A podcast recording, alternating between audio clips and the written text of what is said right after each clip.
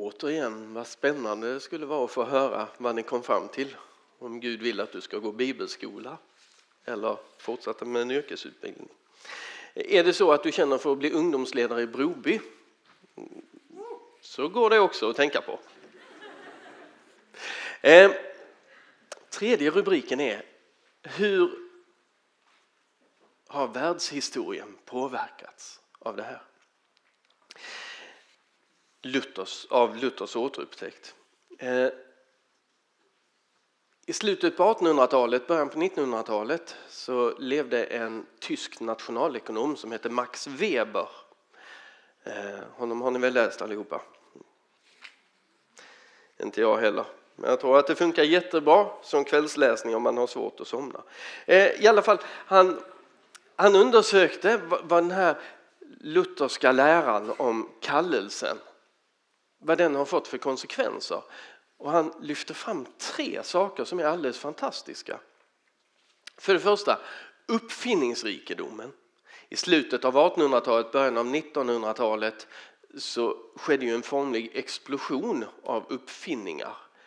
Och han menade att det Luther kom fram till under reformationen det har förändrat människor. Därför att vårt uppdrag att leva i världen, att utforska den, att upptäcka den, att uppfinna saker, att på olika sätt förbättra livet för vår nästa. Det har lett till att jordbruket utvecklades alltifrån klostren och hela den rörelsen till industrialiseringen och teknikutvecklingen och i våra dagar IT-åldern allt drivs av tanken att det går att göra mer för att förändra livet för människor.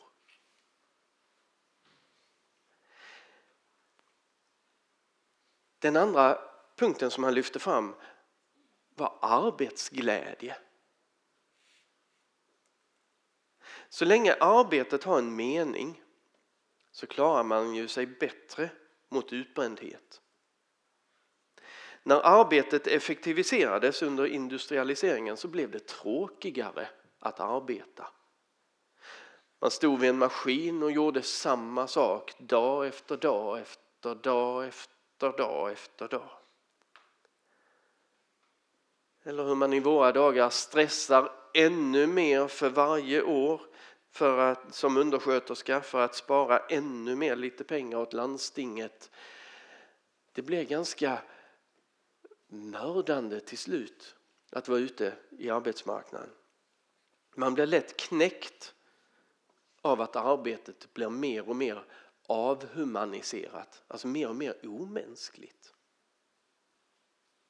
Men, menade Max Weber, så länge samhället har varit präglat av kristen tro och av, av det här som Luther återupptäckte så har det också då funnits en, en arbetsglädje i botten. Nämligen, jag är en Guds medarbetare som bygger Guds rike för att min nästa ska få det lite bättre.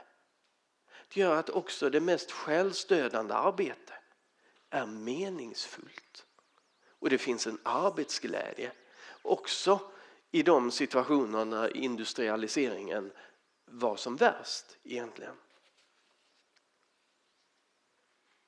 Och att människor då stod ut gjorde att industrialiseringen kunde fortsätta och samhället kunde utvecklas och bli det moderna samhälle som vi har idag. Den tredje punkten som han lyfte fram, Max Weber, var demokrati. Om allt arbete är lika värdefullt, kroppsarbetarens lika väl som professorns, och båda är Guds medarbetare, så kan människor väl ha olika lön för sina olika arbeten. Men som människor har de samma värde.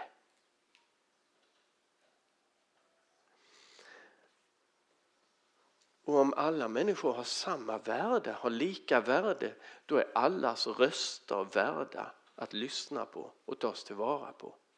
Så kunde demokratin växa fram i det här samhällsklimatet som reformationen var med om att återupptäcka.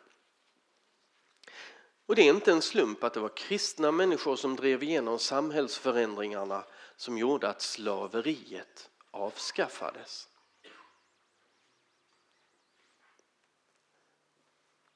Tänk vad fantastiskt! Uppfinningsrikedomen, arbetsglädjen, demokratin enligt Max Weber så har det hämtat sin näring ur luthersk kallelselära.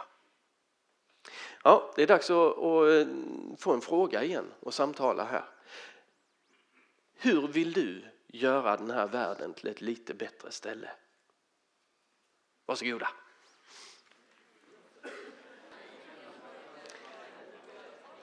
Ja. Yeah. Jag börjar verkligen på allvar ångra att jag sa att jag inte skulle fråga er vad det är ni samtalar om. Det hade ju varit fantastiskt att höra här hur världen kommer att förändras de kommande 20 åren tack vare er.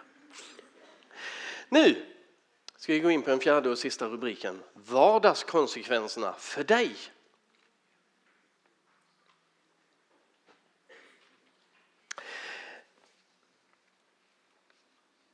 Att ha fullt upp i vardagen är ingenting som hindrar dig från att ha en bra relation med Gud. Relationen med Gud hänger inte på dig utan på Jesus. Han har dött för att försona dig med Gud och du är genom dopet och tron nu ett Guds barn. Och som Guds barn så är du därmed föremål för hans intensiva intresse. Som en förälder till en tvååring är intresserad av om barnet har lärt sig att gå, att säga pappa eller att äta själv så är Gud intresserad av dig. Som en tonårsförälder är intresserad av hur du har haft det i skolan så är Gud sanslöst intresserad av dig. Du får börja ta det till vana att när du kommer hem från skolan på eftermiddagarna så får du lägga dig på sängen säga till far i himlen hur du har haft det i skolan. Ja, precis som du gör till dina vanliga föräldrar. Han är intresserad och tro mig, det är dina vanliga föräldrar också. Ehm, bra. Som en förälskad hela tiden vill veta allt om den han eller hon älskar så vill Gud veta allt om din dag. Om det du är med om. Alla saker i din vardag är av intresse för himlen. Va? Luftade Rickard din cykel idag? Mm, Okej, okay, får se. Vad kommer du nu att göra för att älska honom som förföljer dig? Kommer du att köpa choklad eller blommor eller bjuda honom på bio? Mm. Oj, hängde datorn upp sig under uppsatsskrivandet? Ja, okej, okay, då får vi se vem som har kallelsen att fixa strulande datorer och vem jag ska sända i din väg. Mm. Alltså, mamma och pappa bråkade nu igen. Ja, vi får ju se hur du kan hedra dem fast de inte förtjänar det. Mobbade gänget Anna i skolan idag igen. Mm, Okej. Okay. Får se om du vågar ställa dig vid hennes sida för att vara hennes nästa imorgon. Allt i din vardag är möjliga böneämnen. Allt i din vardag har med relationen med Gud att göra. Han är sanslöst, fanatiskt intresserad av ditt liv.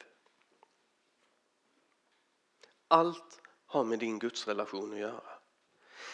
Luthersk kallelselära avsekulariserar världen. Sekulariseringen betyder ju att det normala är att Gud inte har med den här världen att göra.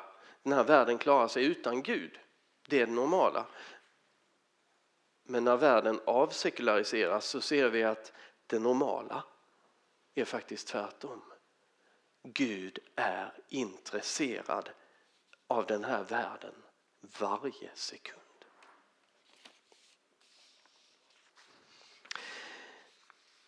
Luthers kallelselära får också konsekvenser för dig i ditt yrkesval. Det är inte finare att vara sjuksköterska än att vara städare. Det är inte frommare att vara präst än att vara läkare. Det är inte bättre att gå bibelskola än att vara konditor. Det är inte viktigare att vara missionär än att plugga periodiska systemet. Du behöver aldrig känna att du inte duger i Guds ögon för att du inte kommer att bli präst eller läkare eller vara ledare på elva läger på sommarlovet. Du dög i Guds ögon för Jesus att dö för. Du duger i Guds ögon att förlåta och rättfärdiggöra. Du duger i Guds ögon att bygga hans rike med sig med den kallelse som han ger just dig. Så hur ska jag då få reda på vad Gud kallar mig till? Som sagt, återigen, kallelsen är inte ditt yrke. Kallelsen är att tjäna och älska din nästa. Att tillsammans med Gud bygga hans rike. Men när det gäller val av arbete då tror jag faktiskt att vi kan se på hur det är för präster därför att man har under hela kyrkans historia varit mån om att man skulle kunna sortera ut vilka Gud kallar till, till just att vara präster och vilka som inte är lämpade. Och därför så har kyrkan alltid talat om att man ska ha en inre kallelse och en yttre kallelse. En inre kallelse det är att man ska någonstans känna någon sorts längtan. Det kan vara någonting som kommer plötsligt som Gud bara direkt visar en eller så kan det vara något som växer fram. Men att ja, jag skulle vilja vara präst. Och det andra är en yttre kallelse. Att andra människor, kristna och i slutändan domkapitlet och biskopen bekräftar det här och säger jo, jag känner igen hos dig en kallelse från Gud att vara präst. En inre och en yttre kallelse. Jag tror att det här kan vara en hjälp för oss vilket yrke vi än väljer. En inre kallelse kan handla om att du funderar över vad tycker du är roligt att göra? För det du tycker är roligt att göra det är du i allmänhet också ganska bra på eller har möjlighet att bli bra på. Utveckla det. Gå efter det. Och får du dessutom då en yttre bekräftelse från andra kristna eller från att du kommer in på din, den utbildningen som du har sökt utifrån det här och så här. Så gå frimodigt i detta. När Gud som har all makt i himlen och på jorden öppnar dörrar för dig så gå in genom dem. Är det så att Gud vill ha dig på ett alldeles särskilt ställe. Att han vill ha dig till, till lagerarbetare på Bergendals i Hässleholm. Då kommer han att visa det väldigt tydligt. Är det så att han vill sända iväg dig som missionär till Peru så kommer han att visa dig det väldigt tydligt. Och är det så att du får välja alldeles själv om du ska jobba som städare i Lönsboda eller på parlamentet i London Ja, men välj då utifrån vad du känner att ja, men det, här, det här har jag min glädje i. Gå frimodigt. Du är Guds barn. Han öppnar möjligheter och vägar för dig utifrån den han har skapat dig till att vara. Så städa, skriv protokoll, laga saker, passa barn, sköt, skjut, Uppfinn, gå bibelskola, utveckla, producera, packa, utforska, programmera, plugga. Men vad du än gör, gör det för att tjäna din nästa. Då lever du i Guds kallelse. Och Det här får till sist konsekvensen att du kan vara ganska cool när det gäller frågan om du har hamnat på rätt plats rätt utbildning eller inte.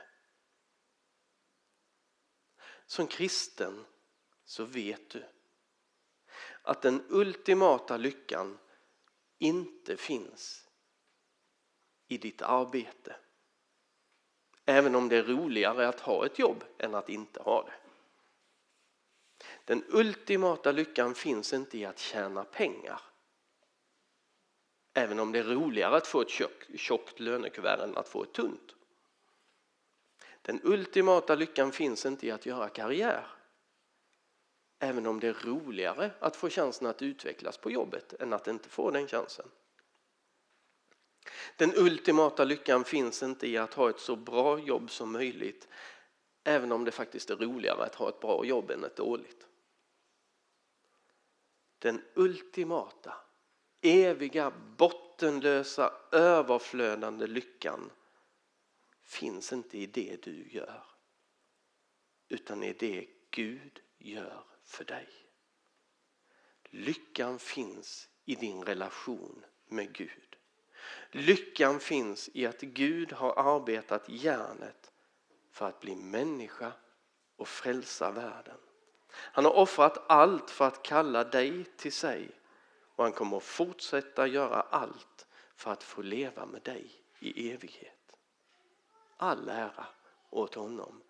Det är han som är grunden för lyckan. Innan du nu får den sista frågan att fundera över så ska jag sammanfatta. Jag har talat om hur Gud älskar den här världen.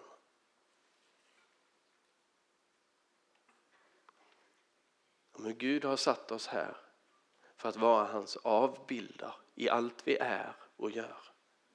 Vi har talat om Luthers återupptäckt av hur evangeliet om syndernas förlåtelse frigör oss från att behöva kämpa för att uppnå rättfärdigheten så att Gud blir nöjda med oss.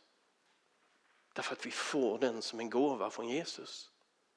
Frigör oss till att istället lägga vår energi på att leva och vara de Gud har tänkt att vi ska vara. Hans avbilder som fyller den här världen med hans kärlek och nåd och barmhärtighet och tjänande.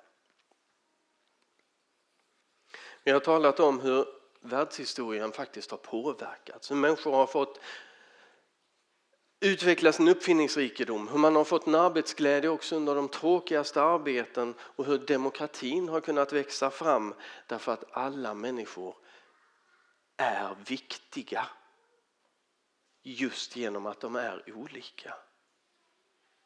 Och vi har talat om konsekvenserna i vardagen. Att just i din vardag så är Gud passionerat intresserad av ditt liv.